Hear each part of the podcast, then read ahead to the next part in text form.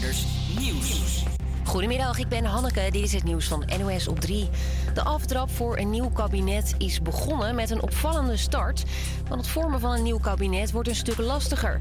VVD-leider Jessel Gus zei ineens dit. De grote winnaars van deze verkiezingen zijn de PVV en de NSC. En daar ligt ook nu het initiatief. En uh, voor de VVD geldt, na 13 jaar, met deze uitslag, dat er ons een andere rol past. En dat betekent in ons geval dat wij niet in een kabinet zullen zitten. Zonder de VVD wordt de puzzel behoorlijk lastig, legt mijn Haagse collega Albert Bos uit. Want ze hebben 24 zetels en dan wordt een meerderheidskabinet bijna onmogelijk om uh, te gaan smeden. Um, daarmee uh, moet je dus ook zien dat ze nu zegt... ja, misschien kunnen we het dan doen vanuit een gedoogconstructie. Maar je moet dit ook vooral zien als het eerste ja, schaakspel in een formatie. Gedogen betekent dat de VVD niet officieel in het kabinet wil zitten... maar hem wel wil ondersteunen in beslissingen. Ja, het kan dus nog alle kanten op. Toch baalt de verkiezingswinnaar Geert Wilders van de PVV ervan. Natuurlijk zit Nederland te wachten op een, althans miljoenen Nederlanders en op de achterban van mevrouw Jezilgus op een centrumrechtskabinet. En uh, ja, het is echt teleurstellend dat ze daar uh, nu zelf, nog voordat de onderhandelingen ook maar zijn begonnen, zegt dat ze daar niet mee wil doen. De PVV kwam net ook met een verkenner. Diegene kijkt welke partijen kunnen samenwerken in een kabinet. Dat wordt PVV'er Gom van Strien. Het kan vandaag vooral rond de kust behoorlijk spoken. Er worden windstoten rond de 100 km per uur verwacht. Voor de zekerheid zijn vandaag een aantal afvaarten naar Ameland en Schiermonnikoog geschrapt. Mensen in Assen en Rolde moeten voorlopig al hun drinkwater koken.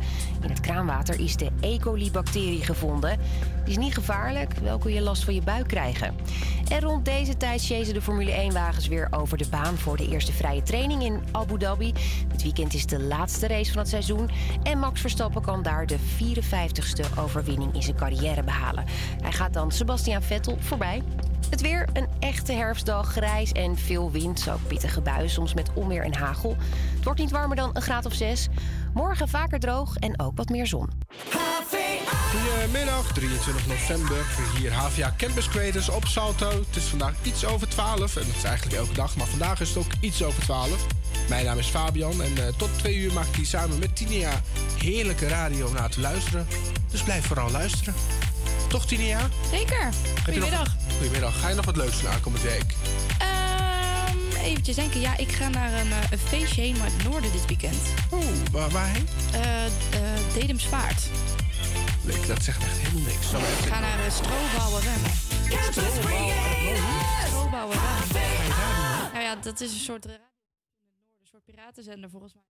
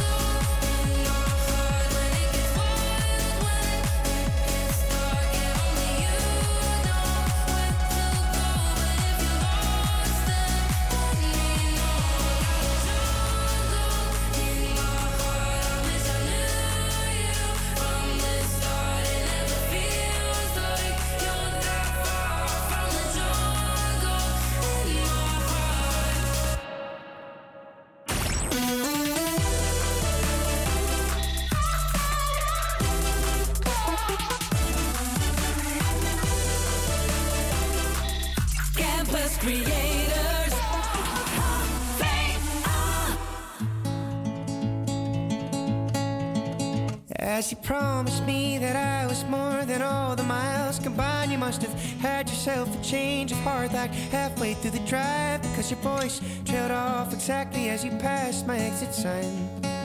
Kept on driving straight and left our future to the right. Now I am stuck between my anger and the blame that I can't face. And memories or something, even smoking weed is not replaced. And I am terrified of weather, cause I see you when it rains.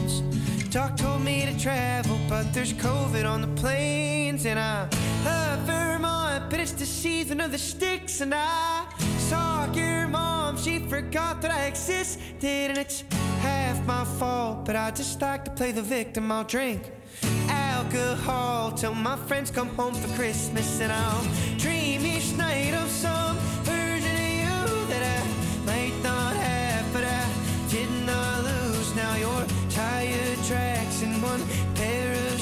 and I'm split in half, but that'll have to do.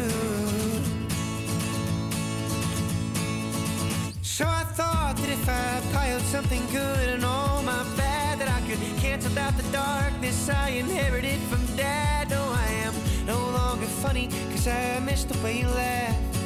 You once called me forever, now you still can't call me back. And I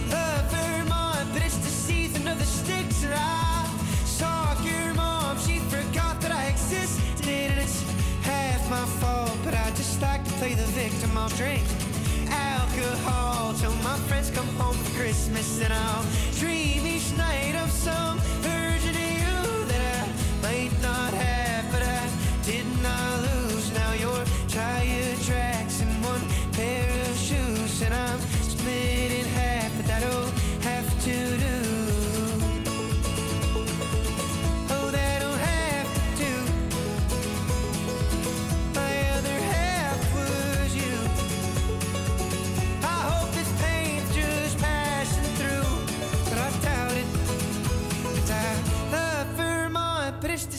season of the sticks, and I saw your mom. She forgot that I existed, and it's half my fault. But I just like to play the victim. I'll drink alcohol till my friends come home for Christmas, and I'll dream each night of some version of you that I might not have, but I did not lose. Now you're tire tracks and one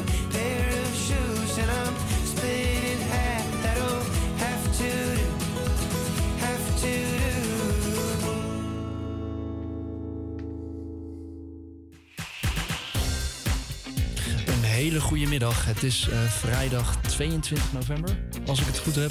Het is vrijdag 24 november en eh, je luistert naar Havia Campus Creators. Het is eh, 12 uur geweest en eh, het is vandaag een bijzondere uitzending, want eh, ik zit niet met mijn trouwe metgezel eh, Tim. Die eh, kon er helaas niet bij zijn vandaag, dus eh, ik moet het eh, in mijn eentje gaan doen.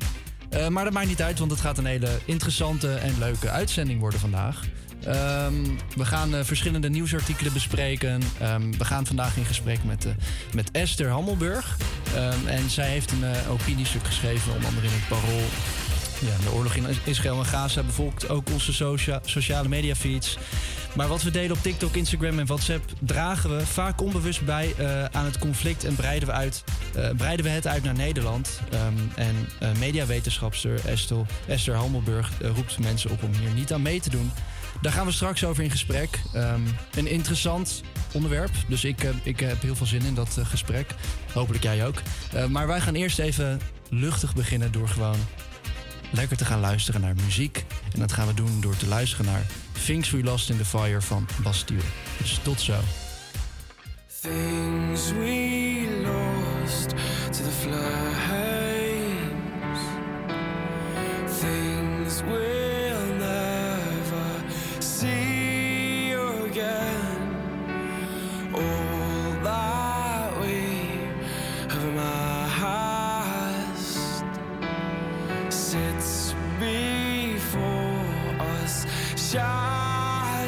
to our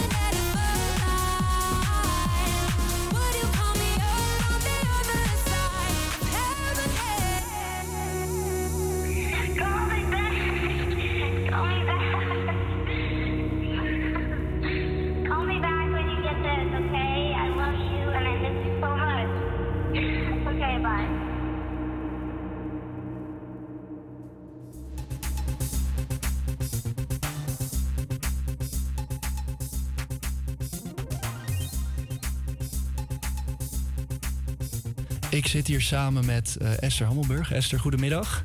Eh, fijn dat u er bent. Ehm, wij gaan iets, eh, vind ik, heel interessants bespreken. Ehm, en ik denk dat u dat ook vindt, want u heeft erover geschreven. We gaan het namelijk hebben over de, de, ja, de, de, de oorlog rondom de Gazastrook. En ehm, de, het social media gebruik daaromheen en de gevaren die daar ook bij komen kijken. En ik wil eigenlijk beginnen met aan u te vragen: wat inspireerde u om dit? Want u heeft een opiniestuk in het Parool geschreven. Eh, wat inspireerde u om eh, dat opiniestuk te gaan schrijven? collega van mij, Marloes Geboers. Ehm, en wat ons ertoe bracht om dat te schrijven is dat wij beide mediawetenschapper zijn, onderzoek doen naar hoe media gebruikt worden. Ja. Ik rond events. Nou, je zou zo'n oorlog ook. eh, het is een minder vrolijk event dan festivals die ik ook wel heb ont- eh, eh, onderzocht. Maar ehm, het is natuurlijk ook een, een nieuws-event. Dus vandaar het mij. En Marloes doet onderzoek echt naar ehm, met name TikTok rond de oorlog in Oekraïne. Dus Ja. in de oorlogssituaties. Dus vanuit onze expertise zagen we wat er online gebeurde rond dit conflict. Dit conflict krijgt veel aandacht, deze oorlog. Ehm, ik zag dat ook in mijn persoonlijke social media omgevingen zich ontvouwen. En, Ja. ehm, wat we zagen ba- baarde ons zorgen. Dus we dachten het is nodig om mensen bewust te maken van wat, er, eh, wat de gevolgen zijn van online gedrag ook. Want eh, waarom maakte u zich zorgen? Ja, ik denk dat eh, wij over het algemeen niet helemaal doorhebben wat het effect is van wat we online doen. Wat we online doen is een groot Ja. deel van ons leven. Mhm. En online gaat voor een deel over Instagram en TikTok enzovoort. Maar gaat ook over ons gebruik van WhatsApp bijvoorbeeld. Wat we heel intensief gebruiken. En dat zijn echt sociale omgevingen. Dat zijn plekken waar we veel zijn. Ja. Ehm, dus heel, ik zie over het algemeen dat mensen dat niet altijd serieus nemen. Mhm. En dat het, ik denk dat het belangrijk is om je bewust te zijn van de effecten die dat kan hebben. Is het een eh, moderne vorm van propaganda dan? Of social media? Nou, ehm, social media op zich is geen propaganda. Mhm. Ehm, Maar het kan wel gebruikt worden als propaganda. Ja, Marloes en ik hebben het in het eh, opiniestuk dat we hebben geschreven... Oh, eh, introduceren we de term participatieve propaganda. Mhm. Daarin zeggen we dat, en dan is het belangrijk om even te benoemen... dat propaganda heeft een hele negatieve bijsmaak, die term. Maar het is eigenlijk gewoon communicatie die erop gericht is... om jouw denken of je doen te beïnvloeden. Dat Ja. kan ook zijn jou beïnvloeden om eh, gezonder te gaan eten. Dus dat kan ook voor positieve doelen Ja. ingezet worden.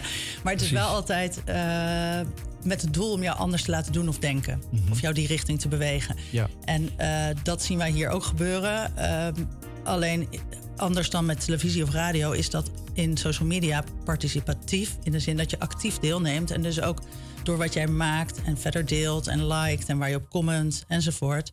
Ehm, ja, neem jij actief deel in die propagandastromen. En dat hoeft niet erg te zijn Mhm. als je dat bewust doet. Ja. Alleen zijn heel veel van ons ons niet bewust van in welke propagandastromen we meebewegen en Mhm. eh, deelnemen. Is dat een groot gevaar?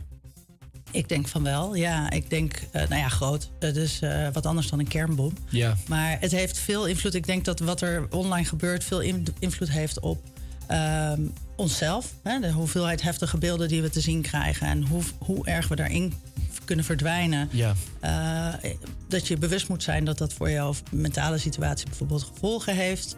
Ehm, ook kan leiden tot gevoelens van isolement. Bijvoorbeeld als je heel veel sentimenten om je heen ziet waar jij je niet in herkent, eh, kan dat heel heftig zijn. Mhm. Eh, het heeft gevolgen voor onze sociale relaties met vrienden, klasgenoten, collega's, mensen op straat.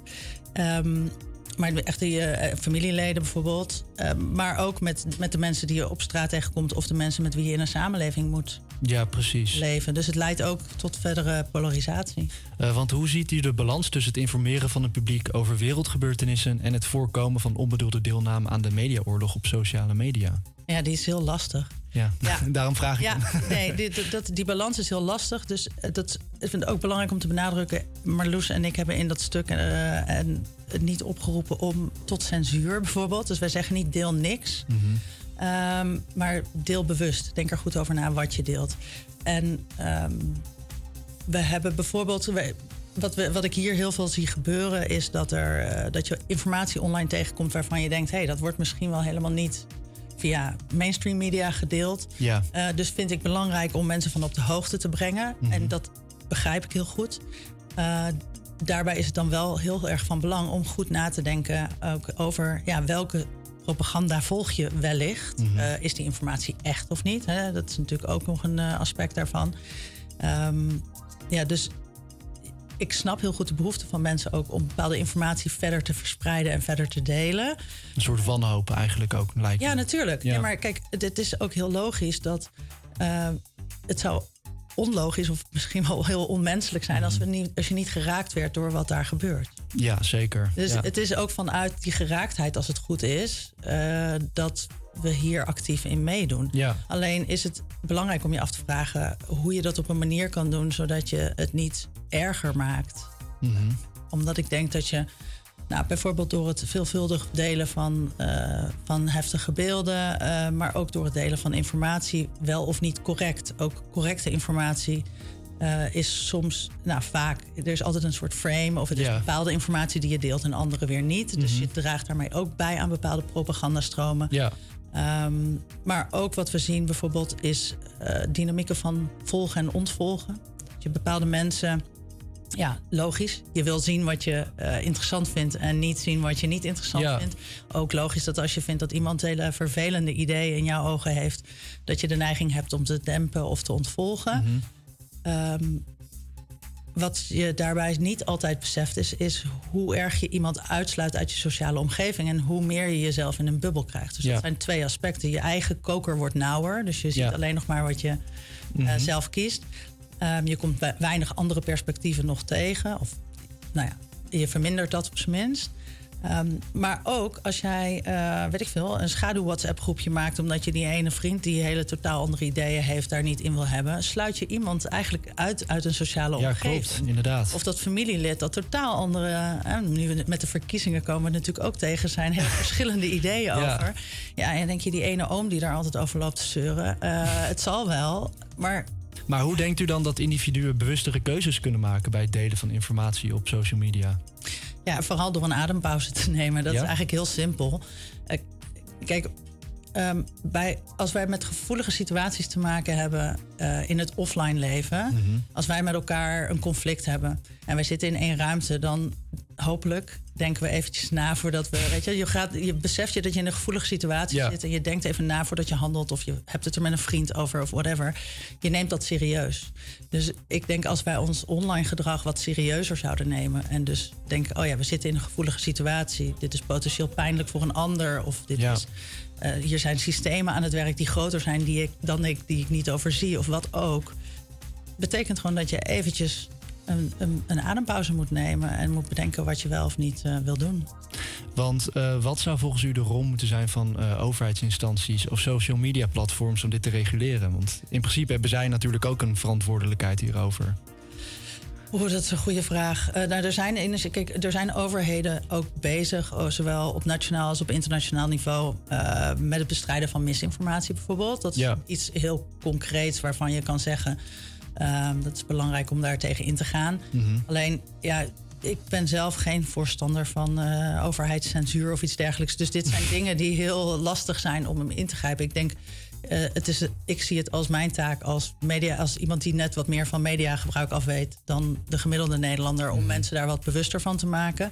Eh, je hebt ook wel mediawijsheidsprogramma's, ook wel door de overheid gestimuleerd hoor, om, om mensen wat bewuster te maken Ja, ehm, van wat er online gebeurt. Ja, verder buiten dat zie ik voor de overheid geen rol. Voor social media platforms, die discussie is eh, ook al jaren, wordt al jaren gevoerd. klopt. Ja.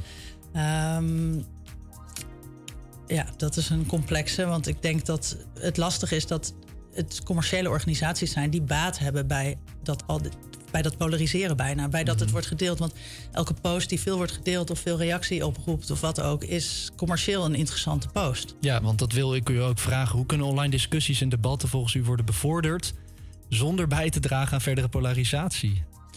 Ja, je kan, je kan er ook voor kiezen om gematigde stemmen te delen. Het, ehm, dus ook dat bewustzijn, als je dan denkt, wat moet ik dan wel posten? Ja. Ehm, nou ja, van mij mag je posten wat je wil, alleen je Ja. moet eh, daar wat be- een bewuste keuze in maken. Ik zelf, voor mij is een goede richting om bewuster wat eh, te delen dat juist gaat over die dialoog. Hè. Er zijn ook rond, dit, rond deze situatie, ook in Israël, zijn er nog steeds nu mensen die voor vrede de straat op gaan. Hè. Ja. Ook tussen ook organisaties waarin eh Israëli's en Palestijnen met elkaar bezig zijn om die dialoog te bevorderen of een richting, voor, richting vrede te bewegen. Mhm. Dus ik denk zelf, als je echt hier omgeeft, dat dat hele nuttige en mooie ste- stemmen zijn om te delen. Zeker, ja. Want ik vraag me ook af, heeft u zelf ook persoonlijke ervaringen gehad die hebben bijgedragen aan uw inzicht in het onderwerp? Of ziet u zelf op social media dingen langskomen waar, waar u dan van denkt van jeetje, wat is dit nou? Ja, nee, ik, kom, ik krijg eh, veel voorbij. Ja, ik denk dat, dat iedereen het veel tegenkomt. Ja. Maar het is natuurlijk wel ehm, er sterk afhankelijk van je sociale netwerk wat je tegenkomt. Dat is ook nog, maakt er ook nog uit. Is het een soort rabbit hole waar je op een gegeven moment in bevindt? Nou, het is, het is zo vervlochten met je, met, je, eh, met je sociale omgeving. Ja, Dat je. ehm, en dat leidt voor sommige mensen ook tot een isolement. Want er zijn natuurlijk ook mensen die hier. Ja, iedereen ziet dit op het nieuws. En als het goed is, is iedereen daardoor geraakt.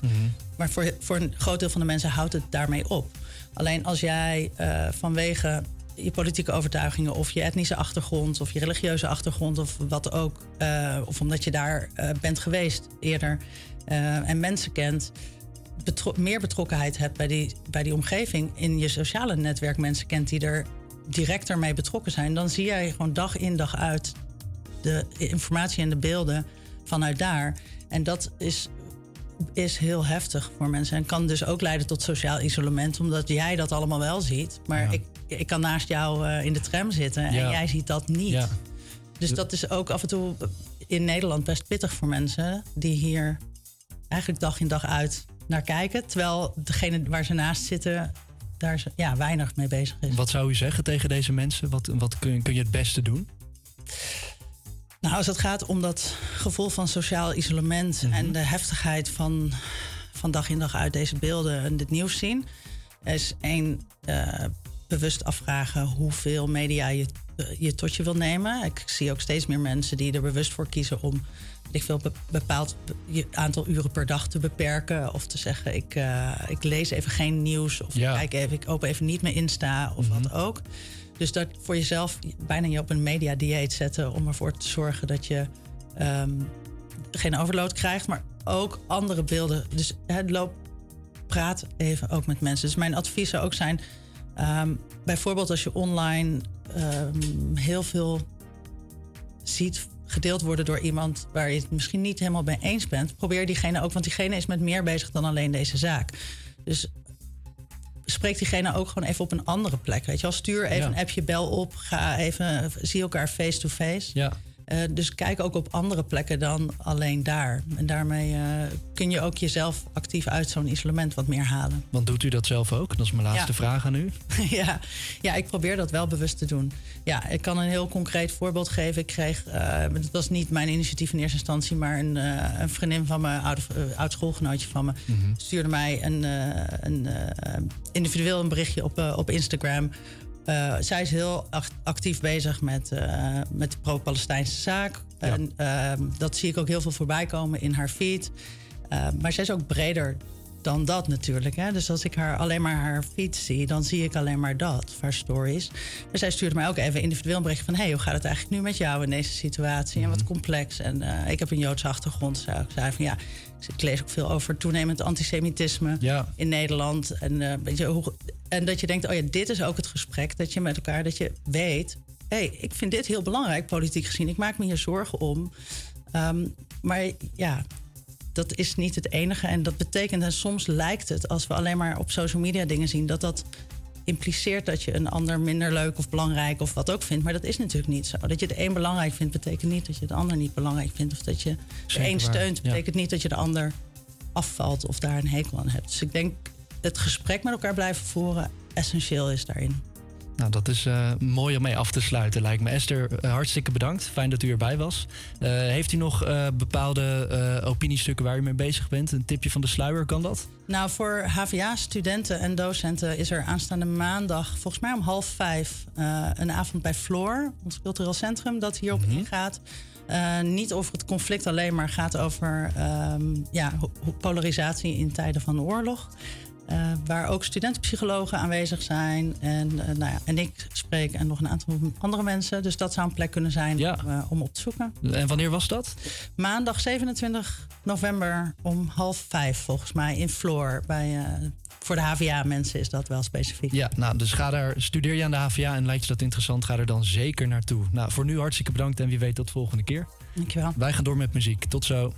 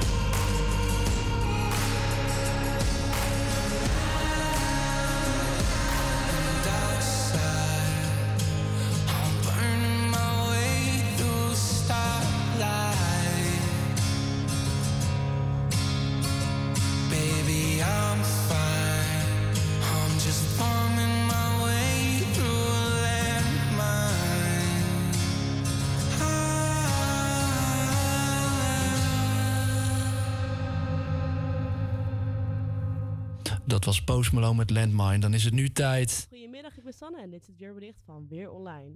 Vandaag Het weer. Ehm, dat ga ik zelf dan maar doen. Vanmiddag is het overwegend bewolkt en zijn er talrijke buien. Soms met hagel of onweer. Dat heb ik zelf ook gevoeld op de, op de heenweg hier naartoe. Op de fiets was er hagel. Eh, de maximumtemperatuur ligt rond de 8 graden, maar zal tijdens eh, buien enkele graden dalen. De wind komt uit het noordwesten en is matig tot vrij krachtig. En in de kustgebieden krachtig tot een windkracht van 6. En aan zee waait het stormachtig met een windkracht van 8. In het Waddengebied stormt het mogelijk met windkracht 9. En in het westen en noorden komen er zware windstoten van 75 tot 100 km per uur aan zee tot 110 km per uur. Ehm, en vanavond is het half tot zwaar bewolkt met buien, vooral in het oosten en zuidoosten. Mogelijk met nog steeds hagel en onweer. De wind uit het noordwesten is matig en eerst nog vrij krachtig. Nou, in de kustgebieden eerst is het eh, krachtig met windkracht 6. Ehm, en aan de kust waait het hard. En eerst nog stormachtig, zelfs met windkracht 7 en 8. En daarbij komen zware windstoten van 75 tot 90 km per uur. In de kustprovincies voor. Eh, en aan zee zelfs tot 100 km per uur. Dus dat was het nieuws. En dan gaan we door met muziek. Now and Then van de Beatles. One, two. I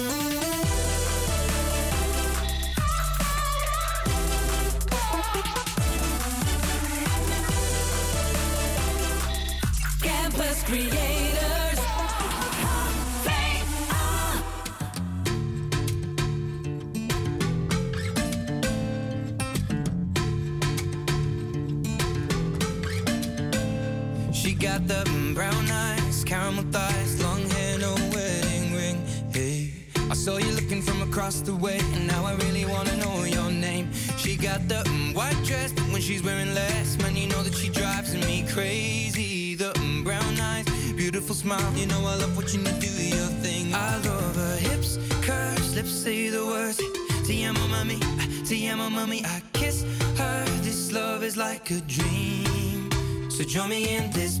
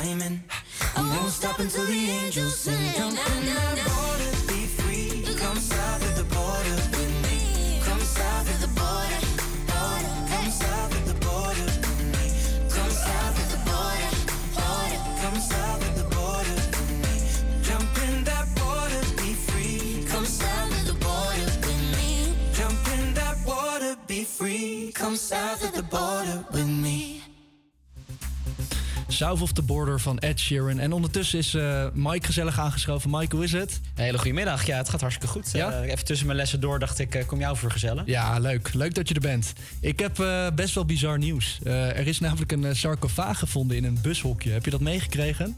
Een sarcofaag? Een sarcofaag. Wat is een sarcofaag? Dat is een Egyptische doodskist. Oh. Die is in een bushokje in Reden gevonden. Oké, dat is heel random. Oké. Dus eh, daar ga ik wat over vertellen. Een mysterieuze sarcofaag is opgedoken in een bushokje in de gemeente Reden. En verschillende partijen hebben nu een oog laten vallen op deze bijzondere vondst. Eh, maar wat maakt deze sarcofaag zo interessant? Nou, misschien is het wel goed om even uit te leggen dus wat een sarcofaag is. Dat is een Egyptische doodskist die ehm, eigenlijk als een soort eh Matrushka-poppetje meerdere lagen heeft. Weet je wat ik bedoel? Dus je hebt een kist, daar zit een andere kist in en daar zit dan de mummie in. En dan heb je zo'n mooi dodenmasker, eh, gewoon dat, dat masker van Tutankhamon bijvoorbeeld. Ja. Dus dat is, eh, dat is een, een, een, sarcofaag. Dus dan weet je dat ook weer.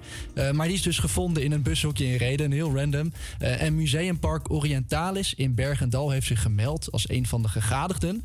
Gerton Hermers zegt, hij is de woordvoerder van het museum. Het past goed binnen ons aanbod. Zeker voor kinderen is het leuk om zoiets te zien. Nou, opmerkelijk genoeg heeft deze sarcofaag geen authentieke Egyptische herkomst. Maar dat maakt het museum niet zoveel eh, uit. Eh Gerton Hemers zegt daarover absoluut niet. Het lijkt eerder op een uh, kietserige kast. Misschien iets waar je drank in kwijt zou kunnen. Echt een Las Vegas object. Nou, een Las Vegas object in een eh, bushokje in Reden, dat hoor je nou niet per se elke dag. Ehm, maar wat gebeurt er nou met deze sarcofaag? De gemeente Reden heeft de gigantische kist in beslag genomen en geeft de rechtmatige eigenaar drie maanden de tijd om zich te melden, vertelt de woordvoerder. Eh, hij zegt: We behandelen dit als een gevonden voorwerp. Vernietigen is in ieder geval geen optie. We hebben al veel telefoontjes gehad van mensen die de sarcofaag wel willen hebben. Dus eh, ja, eh, vaag verhaal. Ik ben benieuwd wie de, wie de eigenaar daarvan is. Ehm, zou jij zo'n zo'n sarcofaag in je kamer willen hebben? Ik, ik zie niet zo goed wat, wat ik hiermee moet inderdaad. Er zit, er zit een, iets doods in. Ja, je kunt het als drank, eh, drankkast gebruiken. Oh, je kan het als drankkast gebruiken. nou ja. Dat is leuk, toch? Ja, ik weet niet of het binnen mijn, mijn meubilair. Mijn, mijn inrichting is wat moderner. Heb je wel een eye-catcher gelijk? Ja, wel een eye-catcher. wel iets te vertellen. Ja, maar waarom lag het nou in een bushokje? Want dat snap Dat ik is, dat is eh, nog steeds een mysterie. Iemand heeft het daar neergelegd. We weten niet wie dat heeft gedaan en waarom. dat is super random. Dus mogen er nog eh, updates komen in de nabije toekomst, dan gaan wij daar zeker op terugkomen. Dus eh, ja, dat was het bushokje in reden. En dan gaan we nu door met muziek. Tot zo. She knows it.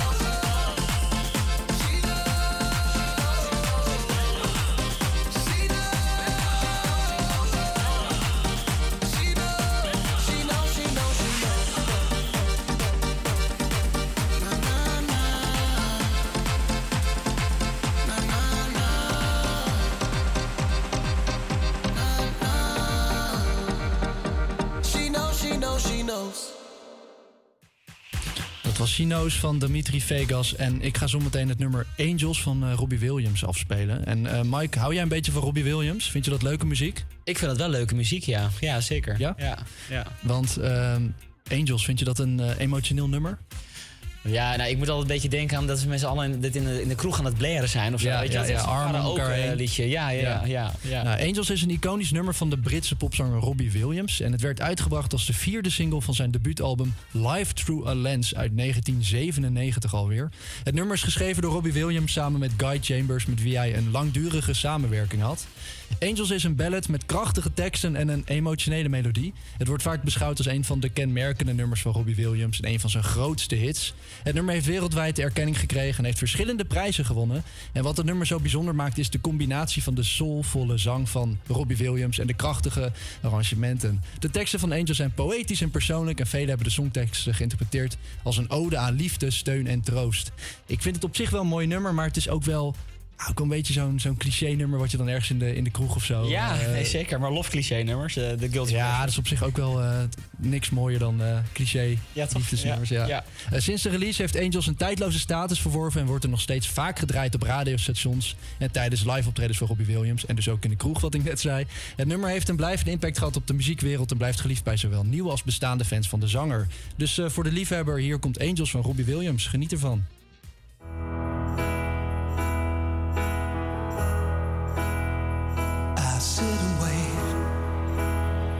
Does an angel contemplate my fate? And do they know the places where we go when we're gray and old? Cause I have been told that salvation lets their wings unfold. So when I'm lying in my bed, thoughts running through my head, and I feel that love is dead. I'm loving angels instead, and through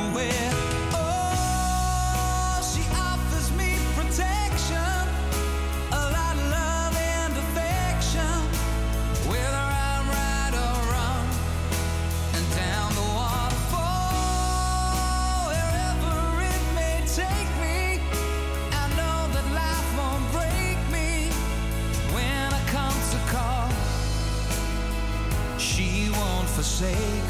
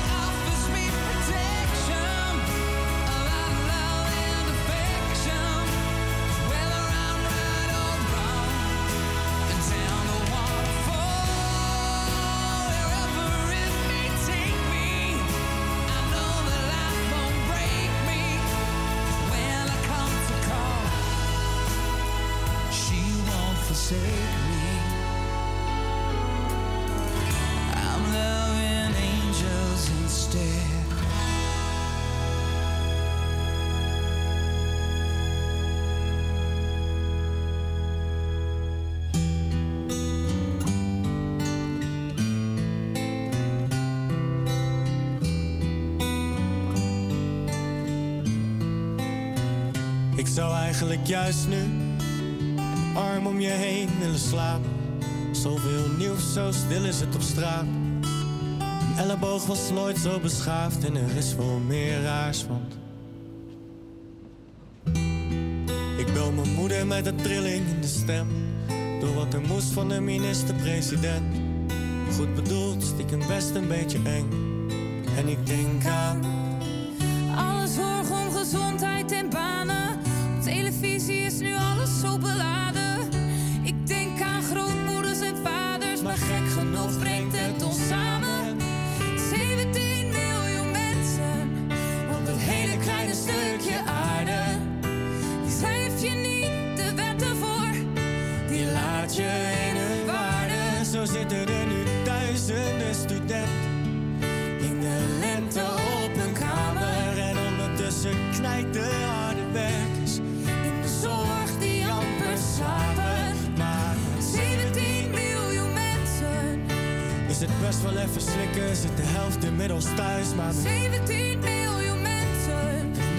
dezelfde richting komen wij uit met 17 miljoen mensen op dat hele kleine stukje aarde. Die schrijf je niet de wetten voor, die laat je in een waarde. APA Campus Creators Nieuws. Goedemiddag, ik ben Hanneke. Dit is het nieuws van NOS op 3. Het is nog maar 40 uur sinds het sluiten van de stembureaus. Maar de boel in Den Haag is nu al behoorlijk ingewikkeld. De VVD dropte vanmorgen een bommetje. De partij doet hoe dan ook niet mee aan een nieuw kabinet. Onze Haagse verslaggever Wilma Borgman kijkt er niet meteen van op. Het kan ook strategisch best heel handig zijn. Want als andere partijen jou er toch heel graag bij willen hebben... dan moeten ze het wel aantrekkelijk voor je maken om in een kabinet te stappen. En dat betekent dan dat als je eerst heel hard zegt ik doe niet mee, dat je dan toch later veel kunt binnenhalen als partij. Dat kan een voordeel zijn. Er is een verkenner aangewezen, een PVV'er, die de komende anderhalve week gaat praten met de partijen. Om bijvoorbeeld te kijken wie zij als formateur willen. Die formateur gaat dan kijken welke partijen inhoudelijk bij elkaar zouden passen.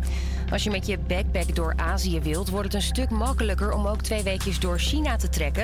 Je hoeft daarvoor binnenkort geen visum meer aan te vragen. Dat is best verrassend, zegt onze correspondent. China wil graag stimuleren en ook duidelijk maken eh, dat ze gastvrij zijn en dat ze juist eh, de buitenlandse partijen welkom willen heten.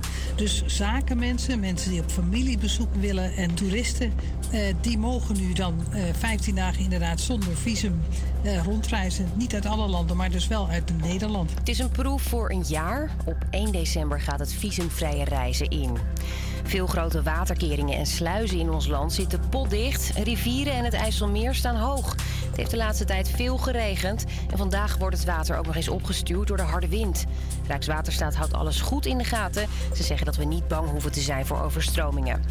En een legende in de dartswereld stopt ermee. Niet Raymond van Barneveld, Michael van Gerwen of een andere speler, maar deze man. Zijn schorre stemgeluid is geliefd bij spelers en fans. Het komt door het roken, zegt hij, terwijl hij er nu mee is gestopt. Zijn iconische 180 zal tijdens de finale van het komende WK op 3 januari voor het laatst te horen zijn op tv. Hij zegt dat hij ruimte wil maken voor de nieuwe generatie. Het weer een echte herfstdag, grijs en veel wind. Er zijn ook pittige buien, soms met onweer en hagel. Het wordt 6 graden. Yes, een hele goede middag. Het tweede uur is begonnen. We, we zijn nog steeds HVA Campus Creators hier in het Benno Bremsluis in Amsterdam. Ehm, we gaan zo meteen in gesprek met studievereniging Jurista. Dat is de studie HBO Rechten en Sociale Juridische Dienstverlening. En wij gaan daar eh, in gesprek mee met eh, Tessa. En zij is de secretaris bij Jurista. Dus dat zometeen rond kwart over één. Ehm, en ga ons zeker volgen op Instagram, at Campus Creators. Heb je een nummer dat je aan wilt vragen? Dat kan. Stuur ons dan een DM'tje en dan gaan we dat doen. Ehm, maar voor nu gaan we eerst even door naar Taylor Swift, die erg populair is op dit moment met Cruel Summer.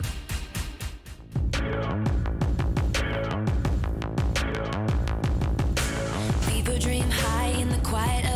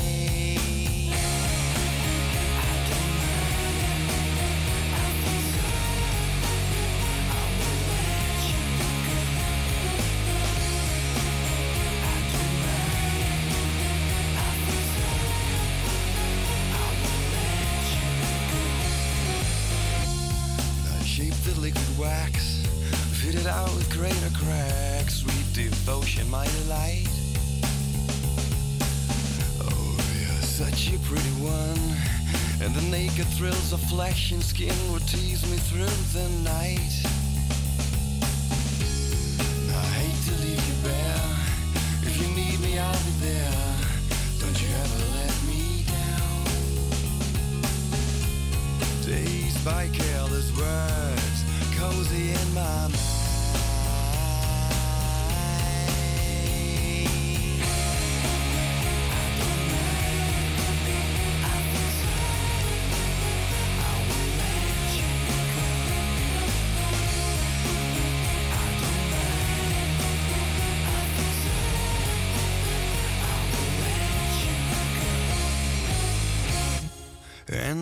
your face.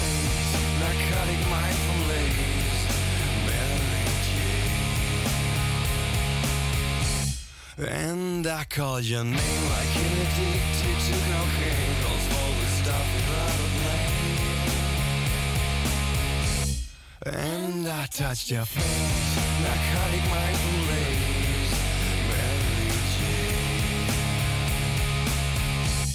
And I called your name Michael Kidd.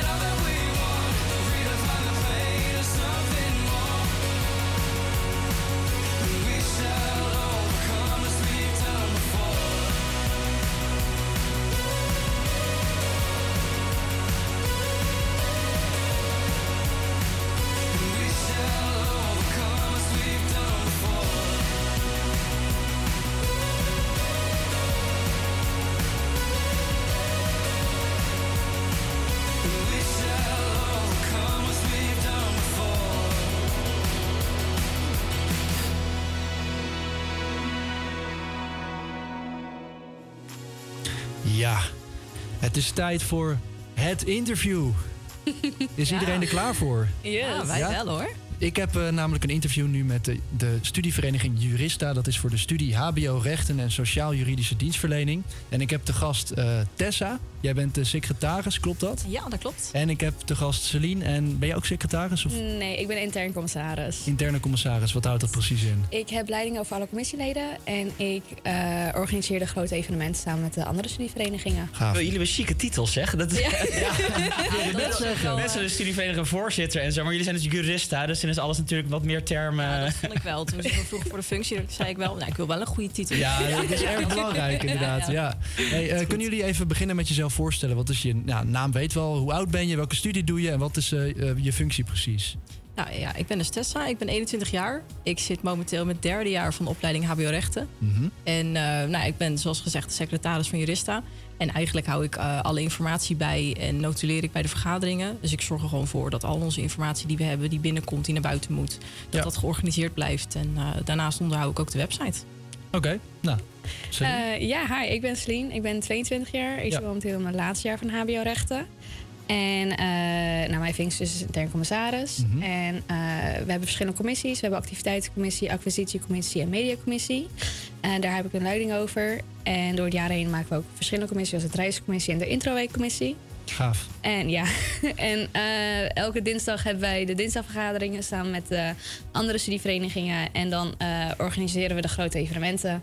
Het aankomende evenement is Kerstgala. Dus eh, daar zijn we Leuk. mee bezig. Ja, wanneer is het kerstgala? Eh, 20 december. Oké. Ja, en Ja, de eerste en, eh, kaartverkoop is al geweest. Oké. De volgende kaartverkoop is volgende week woensdag. Druk bezig met de voorbereidingen. Zeker.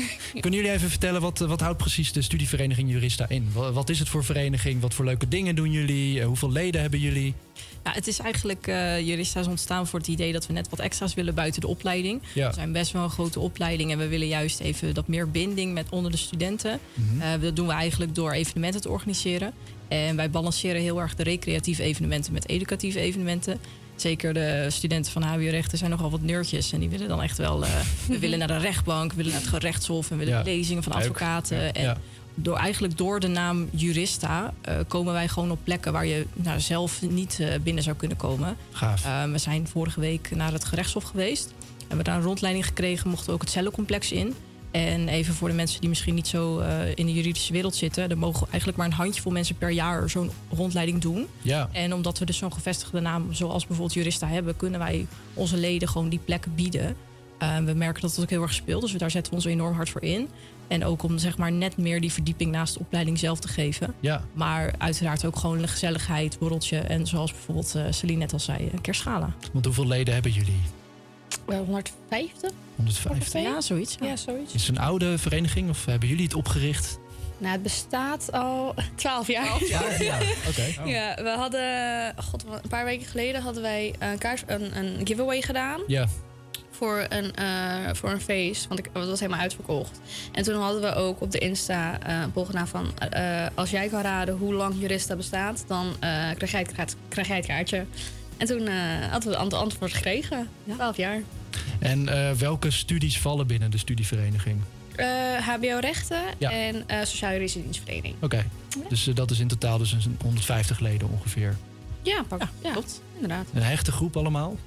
Ja, zeker. En dat is ook wel de, hetgene waar we op focussen. Juist omdat onder andere HBO-rechten zo'n ontzettend grote opleiding is. Eh, dit jaar eh, echt heel veel eh, nieuwe studenten ook. Willen we juist die binding creëren. Dus we zorgen ervoor dat onze leden elkaar gewoon goed kennen. We hebben groepsapps, eh, eh, we hebben borrels waar bijna iedereen gewoon op afkomt. Dus dat is wel juist een manier om elkaar ook beter te leren kennen buiten de les om. En wat zijn nou bepaalde evenementen of zo die jullie hebben gehad in het verleden die eh, veel indruk hebben gemaakt? Wat zou jij noemen als je nu één ding moet noemen wat jij het allergaafste vond? Ah, dan moet ik wel zeggen de studiereis naar Praag. Eh, dat was in mijn allereerste, allereerste jaar hier. En toen stond Jurista bestond toen dus tien jaar. Ze hebben Ja. een lustrumreis georganiseerd. En eh, ik heb daar wel echt vriendschappen voor het leven gesloten. En eigenlijk ook mijn medebestuursleden die, eh, die nu naast mij zitten, die eh, heb ik daar leren kennen. En eh, ja, dat was gewoon ontzettend fantastisch. Dat je als studenten gewoon lekker Praag of veilig maken. En, eh, ja, dus als ik eentje moet noemen, dan is die het. Gaaf. Ja. En jij? Eh, ja, ik wil zeggen ook Praag. Of misschien Dat mag niet. Nee, dat mag niet. Oh mijn god. Eh, dan zou ik, ehm, denk ik, douane wel zeggen. Vorig jaar hadden we een werkbezoek op de douane. En toen ehm, waren we ook op bepaalde plekken, geko- bepaalde plekken gekomen die je gewoon niet zou bezoeken. We waren Ja. eh, beneden bij de, bij de bagageband gekomen. En dan Mhm. zag je ook dat een hond gewoon zijn werk deed. Op Schiphol. Ja, Ja. dat was onder Schiphol. En we waren in een kamer gekomen waar dus allemaal eh, spullen in beslag waren genomen die dan Nederland niet in mochten. En Oh. ja, het is gewoon- dat, dat, dat, dat maak je gewoon niet. Dat kan je niet even e- één zo ma- meemaken. om het Wa- zo wat voor spullen waren dat dan? eh, tassen van bepaald leer, eh, bepaalde, bepaalde voedingsstoffen, orchideeën. Ja, Dus al die dingen die je altijd bij Airport Security eh, ziet eh, op National Geographic, al die eh, dingen. Ja, ja, er is dan een kamer en daar is alles opgeslagen. En dan eh, is er een kleine rondleiding. En dan mag je ook bepaalde dingen aanraken. Bijvoorbeeld, er was een sjaal. Dat was gema- gemaakt, ja, het was gemaakt van een bepaald soort wol. En het, het is een heel ehm, zeldzaam dier. Zeg maar, de sjaal was echt, echt flintdun. Oh ja. Maar als je hem omdeed, je zweet tegelijk. Hmm. Maar ja, dat was een beschermd diershirt. En Ja. eh, was ingenomen. Wat gebeurt er dan met die spullen? Ingenomen. Ja, en dan blijft het daar gewoon voor eeuwig liggen in, in, op Schiphol? Eh, Dat weet ik, tot zover weet ik dat niet. Een hele verzameling daar. Ja, maar er was wel... in die eh, ruimte nog een verboden deur. En daar mochten we dan niet in. Dus misschien dat er daar wat gebeurt. eh. Ja. En eh, Tessa, jij had het net over eh, een cellencomplex. Ik ben er toch wel heel benieuwd. ehm, hoe, is het dan een oud celcomplex? Of eh, is het. ehm, want het was een erg eh, geheim iets waar niet veel mensen mogen komen. Nou ja, het is het, het gerechtshof. En Ja. nou ja, rechtbank is openbaar, kun je naar binnen. Dan moet je natuurlijk wel soms afspraak maken voor een groep. Mhm. Maar het gerechtshof is eigenlijk gewoon niet openbaar. Dan moet je afspraak maken. En ja, we hebben geregeld dat onze leden daar een rondleiding kregen. En dan zijn ze dus onder andere een klein cellencomplex ingegaan. Ehm ja, misschien dat ze niet wil vertellen hoe dat er precies uit heeft gezien. Ja, eh, ik was er zelf niet bij, maar ik heb wel stage gelopen bij een advocatenkantoor. En toen ging ik ook mee naar cellencomplexen. En als het ongeveer hetzelfde is als op Schiphol, dan is het eigenlijk een kamer met een glazen wand ertussen. En jij als advocaat zit aan de andere kant en de ehm verdachte zit dan aan de andere kant. En ja, het is gewoon een glazen bol. En dan vaak heb je... Cool. Ja. Gaaf. ja. Het is niet een cellencomplex als in een serie met allemaal oranje pakken en zo. Nee, Ja. precies. Jammer. en eh, we hadden het net al eventjes over de, de evenementen die gaan komen. Bijvoorbeeld de kerstborrel. Zijn er nog meer eh, grote evenementen die eraan komen? Nou ja, we hebben net even overleg gehad en eh, jullie hebben bij deze een primeur. Eh, wij zijn Oeh. op dit moment een evenement aan het organiseren. Een eh, educatieve lezing met een BN'er. En ik durf wel te zeggen, dat is best wel een grote BN'er. Wij Kun je nog- fluisteren wie het is? Ja, Nee. Ja.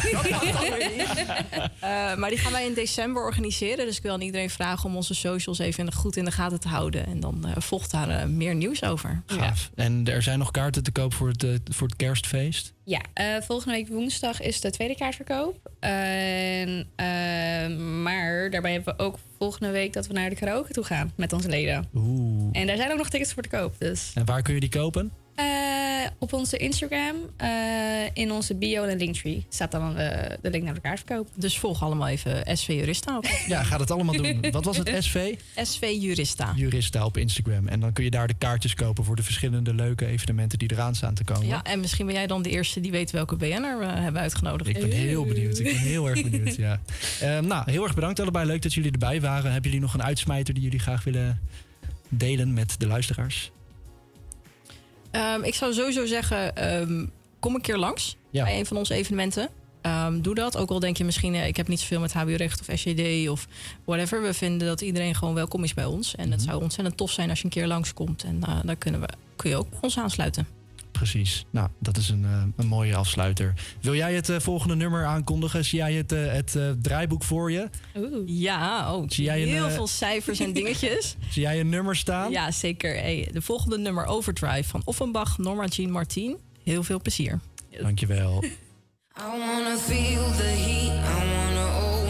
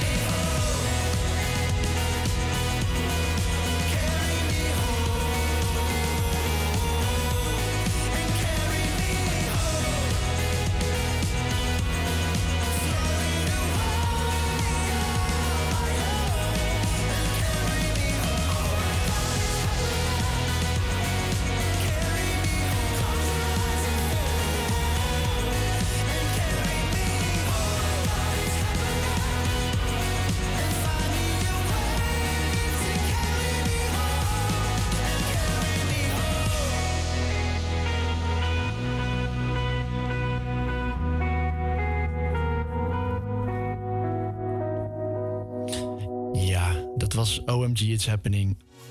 En voordat wij doorgaan naar het volgende nieuwsartikel... is het even belangrijk om nog wat te vertellen over de studievereniging Jurista. En dat is namelijk... Het is, eh, ja, je vroeg me net om een uitsmijter en dan word je ineens geconfronteerd met iets. Maar ik heb even wat bedacht wat ik echt als uitsmijter wilde vertellen. Ja. Is, Jurista is namelijk een studievereniging. Eh, dat is een belangrijk verschil met de studentenvereniging. Misschien hoor je dat wel in het nieuws. eh, allemaal heftige verhalen over studentenverenigingen, ontgroeningen, eh, seksisme, dat soort dingen. Ja. Eh, ik wil even het verschil benadrukken. Jurista is een studievereniging. Dat betekent dat wij niet aan ontgroeningen doen. Er zijn geen verplichte dingen, of je nou lid bent of niet. Er hangt geen verplichting aan vast. Ook zitten wij vast aan de HVA. Eh, wij werken eigenlijk samen met de HVA. En dat betekent ook dat vanuit de school er een soort controle plaatsvindt. Van hey, wat zijn jullie aan het doen als vereniging? Wat willen jullie doen als vereniging?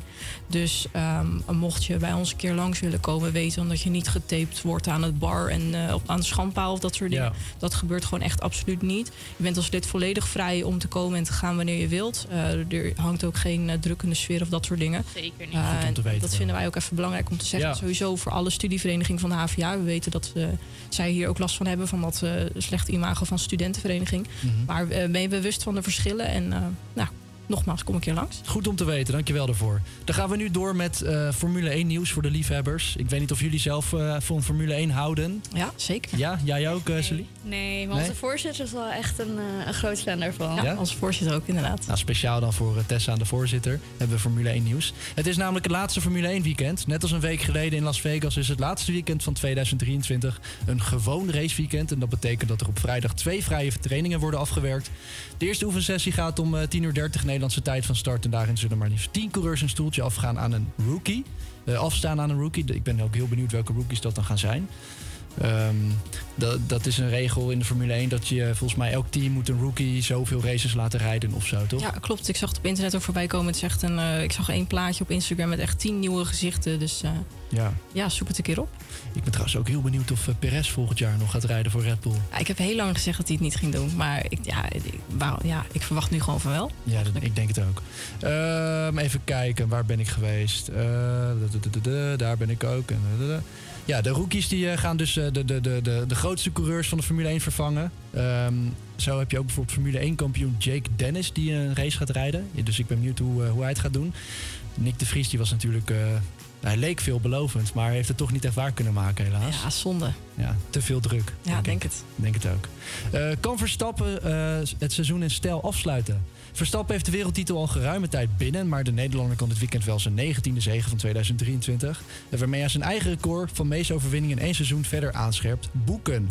Mocht hij daarin slagen, dan betekent dit dat de 26-jarige de zege in dit seizoen slechts, eh, eh, slechts drie maal aan de andere coureur heeft hoeft te laten. Dat is echt bizar. Volgens mij is dat het grootste eh, record ooit in de Formule Ja, 1. ja eh, volgens mij gaat hij dan ook met percentages eh, over alle records heen. Ja, Sergio Perez, zijn teamgenoot, won in het begin van het seizoen immers in Saoedi-Arabië en Azerbeidzjan. Terwijl Carlos Sainz in Singapore de sterkste bleek. Het lijkt mij ook zo frustrerend om de teamgenoot van Verstappen te zijn, want hij wint eigenlijk gewoon alles.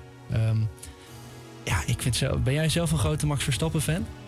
Ja, ik ben wel eh, ingerold in de Formule 1 door Max Verstappen. En ik zal vast niet de enige Nederlander zijn die het op die manier Dat heeft denk ik ook leren niet. Als kennen. je al die, eh, al die mannen ziet en in die eh, Red Bull eh, jekjes en zo, met die petjes op. Ja, steeds meer ook op straat. Ja, Eh, het wordt steeds erger. Nee, eh, ja, ik moet zeggen, ik ben wel van Max Verstappen fan. Ik vind het niet erg als hij iedere keer wint, want ja, het is wel gewoon een Nederlander. Dat is wel tof om te zien. Maar ik ben ook wel bezig met bijvoorbeeld McLaren en Ferrari. Dat vind ik ook wel vet. Om dan juist ook niet te strijden om PE, maar juist daaronder ook te zien. Want het ligt best wel, voor de rest best wel dicht bij elkaar. En ik vind dat ook wel een interessant eh, aspect van de sport. En heb jij nou, net als eh, heel veel Max Verstappen-fans, ook een, eh, een bloedhekel aan Lewis Hamilton? Nee. Nee, en ik ben een van de weinigen daarin. Maar ik vind het wel goed. eh, kijk, sportief af en toe loopt hij een beetje te zeuren in die auto. En dan denk ik ook van, nou, hmm, dat vind ik dan ook weer niet zo netjes. Maar doet iedereen toch? Ja, dat is waar, precies. En ik vind ook wel dat hij buiten de, buiten de baan zich wel uitspreekt voor hele toffe dingen. En, en, eh, daar sta ik wel gewoon achter. Dus ik, ik wil niet per se Lewis Hamilton nu gaan aanvallen. Dat is absoluut niet eh, mijn intentie. Ik vind het zelf ook wel heel goed dat hij zijn bekendheid eh, gebruikt. Ja, precies. Voor eh, goede dingen. Ehm, nou, Tessa, aan jou de eer. Wil jij het laatste stukje van het eh, artikel voorlezen? Yes, er is namelijk natuurlijk een gaan om P2. Hè. We weten allemaal, Max Verstappen is gewoon al dik kampioen. Maar wie de tweede wordt, dat is nog even spannend. Eh, Verstappen zal andermaal als de topfavoriet aan het laatste raceweekend van 2023 beginnen. Maar zoals ik net al zei, achter hem is er nog een interessante strijd. Eh, dat gaat vooral tussen Mercedes en Ferrari om de tweede plaats in het constructeurskampioenschap. Het constructeurskampioenschap is uiteraard de, het kampioenschap van de teams, niet individueel. Het Duitse merk verdedigt een voorsprong van maar liefst vier punten op de Italiaanse concurrent. Momentum ligt na een sterk weekend in Las Vegas bij Ferrari, maar Mercedes is doorgaans wel sterk in Abu Dhabi. Ja, wat denk jij? Welk team gaat er achter Red Bull eindigen? Ik denk zelf dat Mercedes tweede gaat worden. Ik- Ik vind vier punten wel lastig. Dat is zeg maar, er hoeft maar één autootje uit te vallen en de andere is het al. Ja. Maar eh, Maar Leclerc die valt zeg maar 9 van de 10 keer uit. ja, dat is waar. Ferrari-strategie, daar durf je ook niet op te wedden. Nee. Ik hoop stiekem wel Ferrari. Ja? Ja. En ik, eh, ik heb dan toch een vraag aan jou. We hadden het net over Lewis Hamilton. En eh, nou, die controversiële achtste wereldtitel die hij toen destijds niet heeft gewonnen. Denk je dat hij nog eh, bij een team zit dat de potentie heeft om hem nog een keer wereldkampioen te maken voordat hij met pensioen gaat? Mm, ik denk komend jaar dat het ook gewoon weer Red Bull gaat worden. Komende jaar dominantie. Ja, ja. die auto ligt gewoon te ver voor. Mhm. Ik, Mercedes moet echt wel de komende twee, drie jaar grote stappen gaan maken. Ja. Ik zou denk nog wel geloven als ze binnen drie jaar een auto leveren waarmee ze kampioen kunnen worden. Ja, ik bedoel, kijk maar naar Alonso. Die, hoe oud is die? 43 Bijvoorbeeld, of zo? ja, dat is echt bizar dat hij Ja. er nog in zit. Maar ehm, ze moeten het wel binnen drie jaar doen. Want als Lewis Hamilton nog acht jaar in een autootje moet gaan zitten, dat, eh, dat wil niemand zien, denk ik. Ja, Ja, ik gun het hem wel. Maar eh, Het zou wel mooi zijn om af te sluiten met een achtste Precies, en dan ook gelijk eh, met je pensioen te gaan, inderdaad. En ik weet wel, Mercedes heeft wel gewoon de ervaring ervoor. Mhm. Maar eh, ja, ze moeten dan wel binnen twee, drie jaar wel een goede auto leveren. We gaan het zien. Wil jij het, het nummer aankondigen net als eh toen net? Yes, het volgende nummer, Words, van Alesso en Sarah Larson. Heerlijk zo, een extra radio-collegaatje hier. I got the words I love you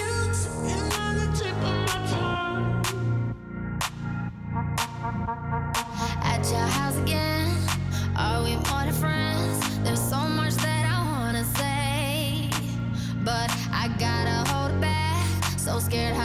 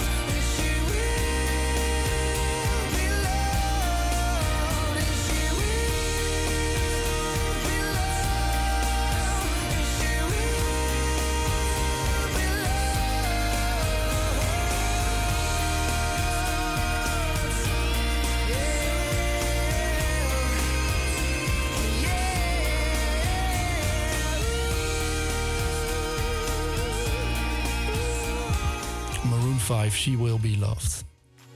Dan gaan we het nu over eh, The Crown hebben. Ehm, ik hoorde namelijk net dat eh, Tessa net is begonnen met The Crown. Welk seizoen ben je nu? Seizoen 1, aflevering 2. Dus het is echt helemaal aan het begin. Dus ik wil gelijk iedereen waarschuwen. Geen spoilers, Geen mijn spoilers. kant op eh, bij deze. Dus dat zijn echt nog de jonge jaren van eh, Queen Elizabeth en eh Ja, ja, klopt. zijn vrouw George of zijn man, zijn vrouw. Charles, George, ik weet niet. Eh, eh, Philip. Philip. De man. Oh. Ja. Ik bedoel, Bijna je weet goed. al hoe het gaat eindigen. Nee, ja, maar ik zeg net geen spoilers. zei, eh. Maar ja, je weet wel hoe het met de koningin. Ja, ja, dat klopt. Dat klopt. Een hele grote spoiler. Moeilijk te missen. Volgens mij is nu eh, The Crown seizoen 6, het laatste seizoen, uitgekomen op Netflix. Ehm, heel veel kijkcijfers, maar ehm, eh, wel controversieel. Want eh, Prinses Diana wordt nu in die serie verwerkt. En, ehm, oh, is dat een spoiler trouwens? Nou ja, ik, ik- heel eerlijk. Ik zag dus al die spoilers van Princess Diana. En toen dacht ik, misschien moet ik ook maar een keer de Crown gaan Ja. kijken. Je wist dus wel dat Diana voor zou komen. Ja, ja, dat wist ik. En eh, volgens mij is er best wel veel kritiek erop om zeg maar, een figuur dat niet meer helaas leeft, om haar in een serie af te beelden. Eh, want je weet natuurlijk niet of het dan helemaal waarheidsgetrouw is natuurlijk en of die dingen echt gebeurd zijn. Ehm, ik weet ook niet of ze in een heel positief daglicht wordt eh, gezet. Ja, ik ook nog niet, want ik zit in seizoen 1. eh. Ja. Ik hoop het wel. Lijkt me, lijkt me heel moeilijk voor, voor haar kinderen, voor Harry en eh, Ja, het is, het is natuurlijk nog best wel recent. Eh, dus dat, ik snap wel dat dat nog wel lastig is. Ja. Maar ja, volgens mij is die hele serie nog best wel... Ja, recent misschien niet, maar het is allemaal na de Tweede Wereldoorlog pas eh, gaan gestart, zeg maar. Ja, seizoen 1 is met eh, Churchill volgens mij rond de Tweede Wereldoorlog. Ja, na de Tweede Wereldoorlog begint hij. Dus Ja. aan de ene kant snap ik wel dat mensen zeggen van... nou, Princess Diana is misschien nog te recent. Maar aan de andere kant, ja, het is misschien ook wel heel logisch dat het eraan zit te komen. Want volgens mij is het gewoon een verhaal wat zich gewoon doorloopt. Want wanneer is zij overleden? Jaren 90 of zo, toch? Ja, zoiets. Maar dat durf ik eigenlijk niet te zeggen. Ga ik googelen? Onze redactie is het aan het opzoeken op dit moment. Ik denk 1993, zoiets. Nou, dan ga ik voor... Zij is overleden in 1997. 97, oh, dat is echt heel recent. Man. 31 augustus. Het was een, eh, een hele Ja, dat bijzondere was dag. heel controversieel. Ja. Ja. In Parijs en de In die tunnel, met de paparazzi, ja. Een gek verhaal. Heb, eh, heb jij nog een leuke filmtip of een serietip, Celine, die jij nu aan het kijken bent? Oh, ik ben nu begonnen met. eh, nee, ik heb. Sherlock... nee, ik heb Sherlock Holmes weer afgekeken voor de derde keer. Oh, met eh, Robert Downey Jr. Of, nee, eh, oh, nee, met eh, nee, Benedict Cumberbatch. Ja, oh, ik ja, had de er BBC. gekeken. Ja, ja. Dus versie. En nu ben ik begonnen met. eh, hoe heet die ook weer? Eh, Qu- Queen Charlotte met, van Bridgerton. Want ik had Bridgerton seizoen 1 gekeken. Nou, die vond ik, vreselijk. Ja? Echt vreselijke serie was dat. En, maar dit is dan soort van een vervolg. Een soort van- prequel, toch? Ja, zo'n prequel. Ja. En deze is oprecht heel leuk. Ook totaal anders dan Bridgerton zelf. Beter dan eh Bridgerton? Heel beter. Ja? Ja? Want waarom vond je Bridgerton zo slecht dan? Het is heel sappig. Oh, ja. Maar volgens mij willen heel veel kijkers dat ook. Die ja, willen juist een het beetje moet maar net je wegsmelten. voorkeur zijn. Ja. Ja. Maar eh, Queen Charlotte dus. Ja, ja, er is iets meer comedy in verwerkt. Eh, de hoofdpersoon, ook hoe ze het bespeelt, hoe ze het speelt. Het is meer platter. Oké, Ja. dat klinkt goed. En nog een filmtip of zo? Ik kan nooit verkeerd gaan met de Harry Potter serie. Harry Potter. Rond de kersttijd gewoon alle Ja. delen kijken. ook, is wel. Ook Home Alone rond de kersttijd Ja. standaard. Mhm. Ja, dat gaat er bij mij weer aankomen. Ja. Ja, ik denk bij iedereen. eh. Ja, kijk jij ook Harry Potter Tessa elke kerst?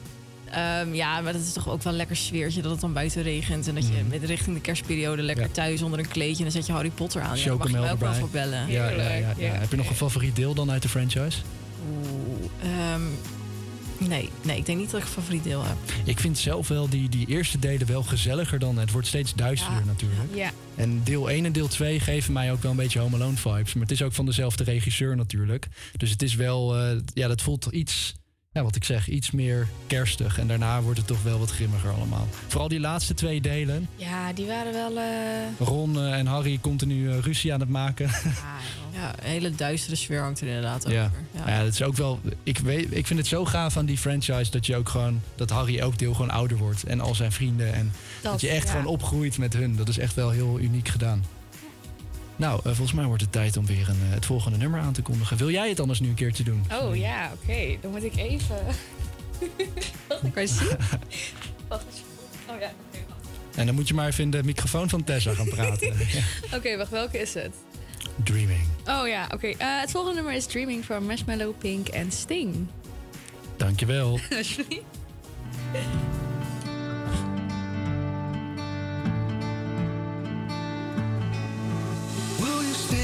Me? Will you be my love as the days get longer? Will you follow me? Never let me go. Let's keep dreaming,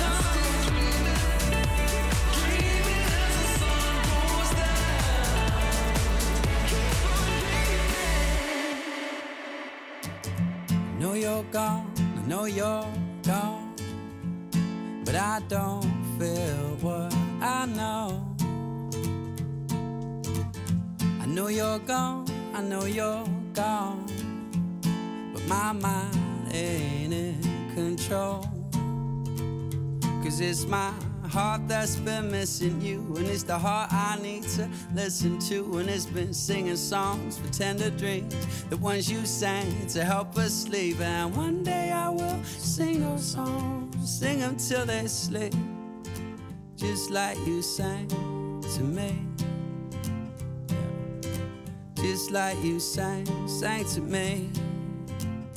From the day that I met you, I stopped feeling afraid. In your arms, I feel safe. In your arms, I feel safe. From the day that I met you, I stopped feeling afraid. In your arms, I feel safe. In your arms, miss you so, I miss you so. And I'll miss you till I'm old. I miss you so, I miss you so.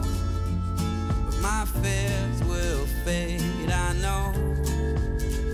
Cause it's my heart that you helped to build. Love is my compass still, yeah. Love will fill the holes I got. Cause you will never hold me, but I know that you are with me. I know that you're at peace. Cause you, you let us sing you to sleep. Yes. You let us sing your heart to sleep. From the day that I met you, I stopped feeling afraid. In your arms, I feel safe. In your arms, I feel safe. From the day that I met you, I stopped feeling afraid.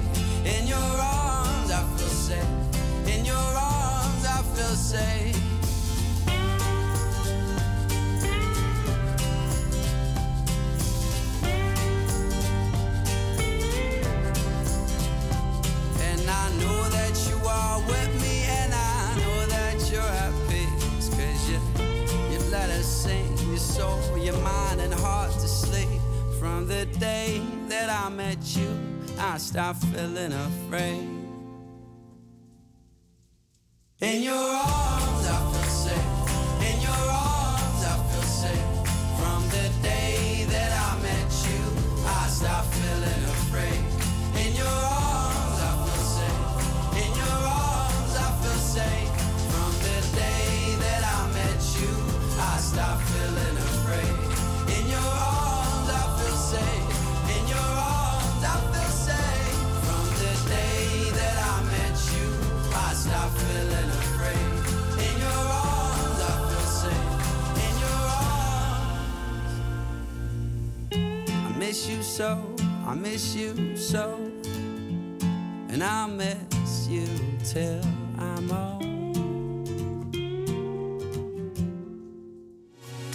Chef Special met In Your Arms. En het is wel mooi om te weten, want dat nummer heeft hij geschreven voor zijn vader die eh, overleden is. Dus het heeft een hele speciale betekenis voor hem. Eh, opmerkelijk nieuws uit Finland, waar de stroomprijs op vrijdag eh, diep in de min is gegaan. Allemaal door een foutje van een beurshandelaar. En wat betekent dat voor de Finnen? Nou, een handelaar op de elektriciteitsbeurs Noordpool plaatste donderdag per ongeluk een verkeerd bod. Ik weet ook niet hoe je dat nou kan doen, waardoor plotseling zoveel elektriciteit werd aangeboden dat de prijzen enorm kelderden. Volgens de Finse netbeheerder Fingrid is de stroomprijs nu uitzonderlijk laag. Nou, hoe laag precies? Eh, een megawattuur elektriciteit kost op dit moment eh, min 203 euro. ja, je hoort het goed. Eh, huishoudens krijgen geld terug als ze elektriciteit afnemen. Een dag eerder lag de prijs nog op eh, 59,43 euro. En afgelopen dinsdag piekte het zelfs op 287,87 euro. En op dit moment is het dus. Je krijgt dus 203 euro per megawatt wat je gebruikt in elektriciteit. Nou, dat is toch even leuk meegenomen. Nu hoopt uh, Fingrid natuurlijk niet dat de Finnen massaal de sauna induiken en al hun apparatuur gaan opladen. Ze nemen alle noodzakelijke maatregelen om productie en consumptie met elkaar in evenwicht te brengen. En hopen op een normaal stroomverbruik. Dus eh, ja, als je toevallig in Finland bent, profiteer dan nog even van deze ongebruikelijke situatie. Kun je lekker elektriciteit gebruiken en gaan sparen. Dus dat is mooi meegenomen.